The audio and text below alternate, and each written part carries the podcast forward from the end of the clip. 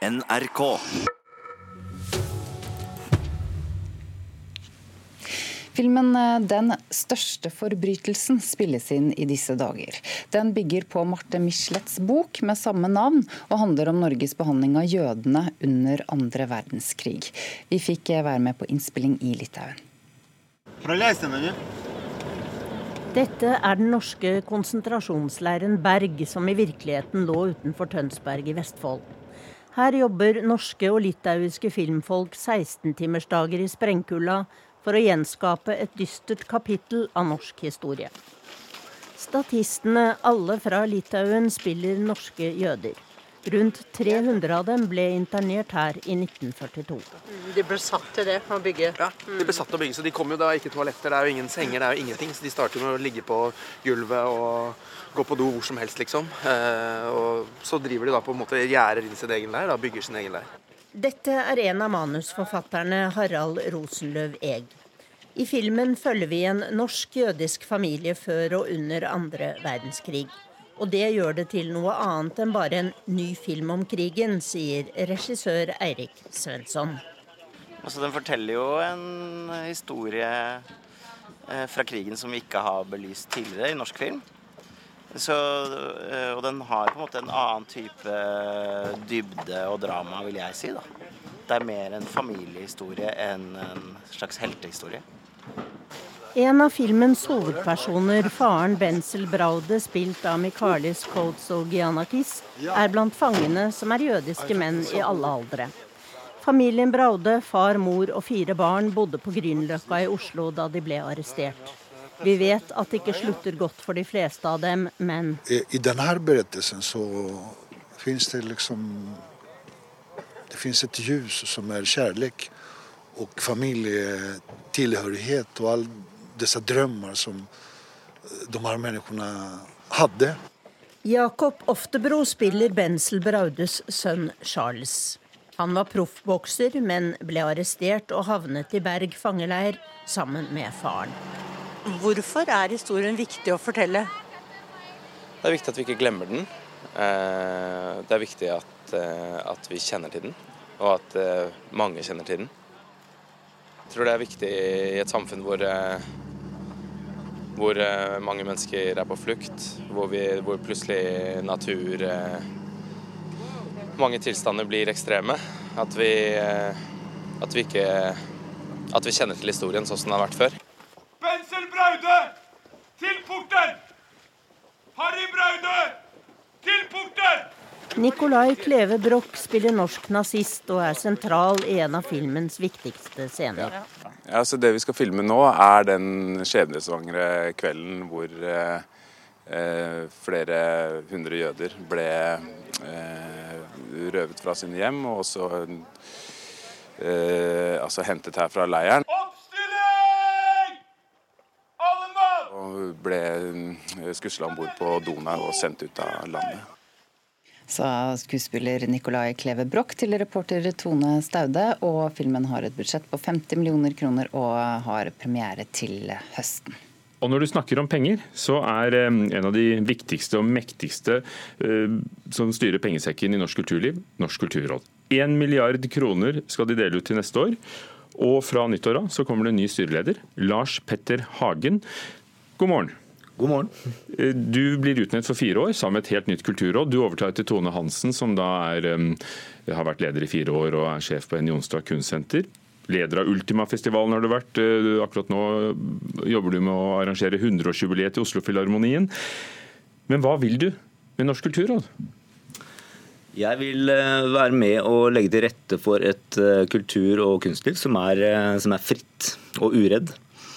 Og eh, jeg tenker at kunsten er et sted som kan utfordre etablerte sannheter, utfordre konvensjoner, forsvare det ukjente. Og eh, så syns jeg det er viktig at eh, at kunstfeltet er både et laboratorium, et sted for eksperimenter, et sted for å teste nye ideer, men også en vokter for vår felles hukommelse. Så jeg er interessert i det samspillet mellom fortiden, nåtiden og fremtiden. Og den dynamikken. Hvordan kunst og kultur kan være med å eh, i en offentlig samtale og som en refleksjon om hvordan, hvordan de tingene henger sammen. Men la oss, la oss høre noe sammen her.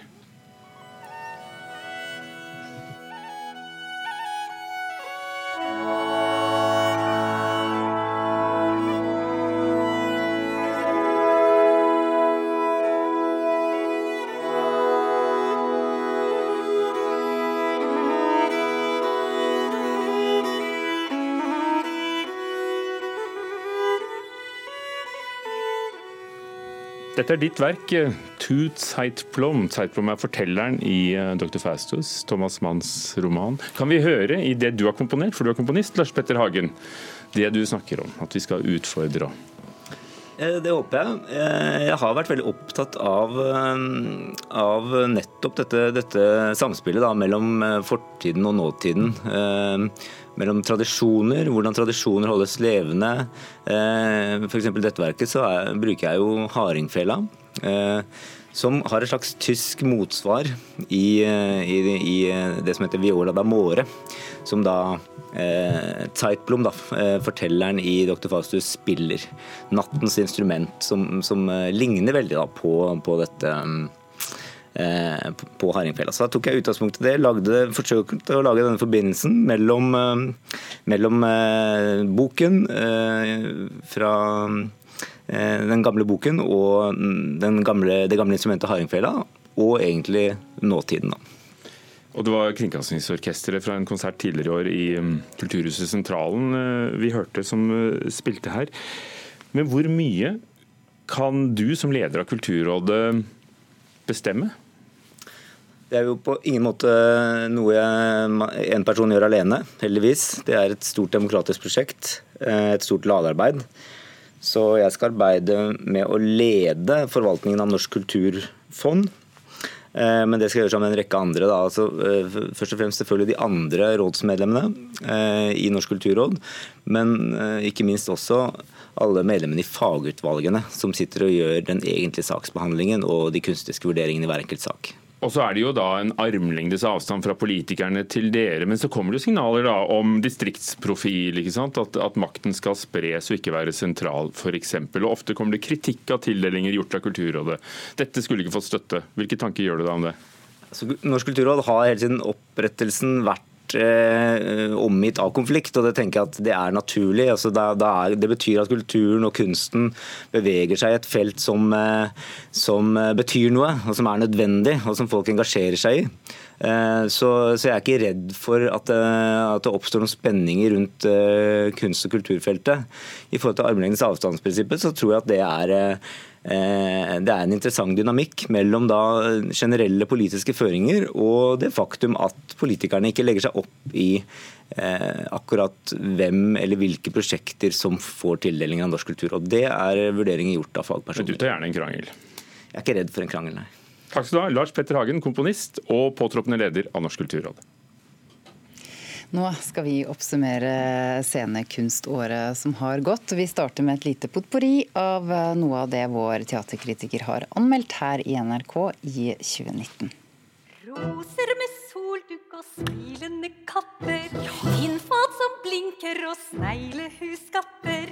Nymalte farger på gammel tapet. Sånne små ting er det beste jeg vet. Bare vi har fått gullbilletten. Vi har en lille sjanse her i dag. Tre for tanke, tre for ski, tre for tek og terapi, tre for topp og trivelig. Hattegalens terapiparty. Tre for tanke og tre for ti. Ha-ha-ha, tørrgalen har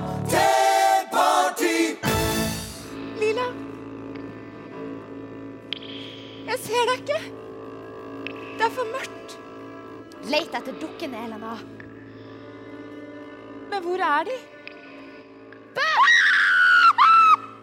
Pavlovic Raskolnikov, også kalla Rødtja. dirke opp en lås, plyndre henne, og så gjemme meg oversprøyta med blod og med øksa i handa.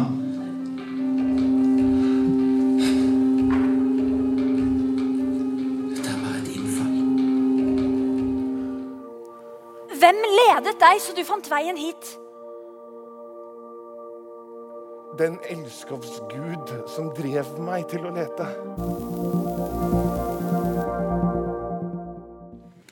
Teaterkritiker her i NRK, Karen Frøsland Isdal. Hva husker du best fra teater i året som har gått? Ja, nå fikk jeg jo noen skikkelige flashbacks i løpet av den, dette lydkuttet vi hørte her. Men altså Det jeg husker best, og som egentlig alle burde huske best, det er jo bråket som kom rundt Ways of Seeing. Um, alt som har skjedd, har egentlig skjedd i 2019, og det toppa seg jo da i mars med, med Tor Mikkel Waras avgang som justisminister.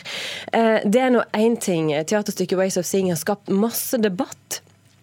Eh, men det har òg skapt en debatt om kunstnerisk ytringsfrihet, som ikke var vår statsminister sitt stolteste øyeblikk, det må jeg bare si, i løpet av året som gikk. Og det var utrolig fint å høre Lars Petter Hagen sitte her fra Kulturrådet sitte her og snakke om viktigheten av fri og uredd kunst. Viktigheten av at de som bevilger penger, ikke legger seg opp i, eller politikere ikke legger seg opp i hva kunsten skal være. Og det, Der vil jeg bare sette to streker under det Hagen sa, for det er så viktig. Always of of Seeing-debatten har nettopp vist hvor viktig det kan være. Hvor viktig det er å ikke kneble kunsten. Den, den skal være fri. Eh, Så teateråret starter på mange måter da med Ways of Seeing, og så slutter det med En av oss, et teaterstykke basert på Åsne Seierstad sin bok eh, etter 22. juli-hendelsene. Så det er jo en tematikk der som vi ikke klarer å slippe. Det er en tematikk som ligger og ulmer litt hos oss, som vi, kulturen prøver å ta tak i og nærme seg på ulikt vis. Jeg håper det vil fortsette, at vi lar de vonde spørsmålene komme fram på scenen nå. Mm. Og dette var temaer, viktige temaer om demokrati. Men du, hva har vært din største opplevelse i salen i år? Nesten umulig å svare på. Jeg har lyst til å snakke om den største, den rareste og den fineste, hvis jeg kan. Kom igjen. Ja, Raskolnikov ved Det Norske Teatret, som vi hørte litt av her, det var den, faktisk den største teateropplevelsen for meg, om jeg må velge én. Der tok de hele Dostojevskij sin roman til scenen. Den Forestillinga varte i fem timer, og de filma den hele veien. Så det var som å sitte på kino og se romanen spille seg ut i naborommet for der du satt. Eh, Det er mange romaner som har blitt tatt til scenen. Dette syns jeg var en god måte å løse det på. Jeg opplevde det som at romanen ble levd ut foran meg. Og det er ikke alltid jeg klarer å, å komme dit hen når jeg sitter og ser eh, iscenesettelse av romaner, da. Det rareste jeg så, det var en japansk versjon av fossestykket 'Noen kjem til å kome', eh, som var henta inn fra, fra Tokyo, eh, fra Kyoto til, til Det Norske Teatret i forbindelse med Fossefestivalen, der de spilte på, med tradisjonell japansk nå-teknikk, der de sang og ropte og gjentok og gjentok. Det, det var kjempeslitsomt og helt fantastisk. Og det fineste, i hvert fall sånn, jeg må jo trekke fram en musikal òg, siden det spilles mye musikaler, det, det var faktisk Sound of Music på Folketeatret. Det var en flott musikalopplevelse i året som gikk. Vil du si at det er noen tendenser som har eh, pekt seg ut eh, ved teatrene? Ja, absolutt. Eh, Dette med å ta kjente romaner, gjerne lange verk, til scenen og forsøke å gjøre scenekunst ut av det, det holder teaterne på med, og de kommer ikke til å gi seg med det heller. Eh, Så alt fra Elena Ferrante sin Napoli-kvartett, fire store bøker, til Solstad sin gymnaslærer Pedersen og Faust, alt dette har blitt spilt på teaterscenen i løpet av året. Noe bra, noe dårlig, men teatrene prøver seg hele tida. Så jeg håper at altså Gode lesninger kan godt finne veien til scenen, men da må det være bra. Alt har ikke vært. det. Litt kort eh, til slutt. eh, Hva vil du ha mer av fremover? Jeg vil ha mer av uredd programmering, av, eh, av eksperimentet. For det, enten så går det bra, eller så går det dårlig. Men det å våge, det er det viktigste. Takk, Karen Frøsland Nistel. NRK.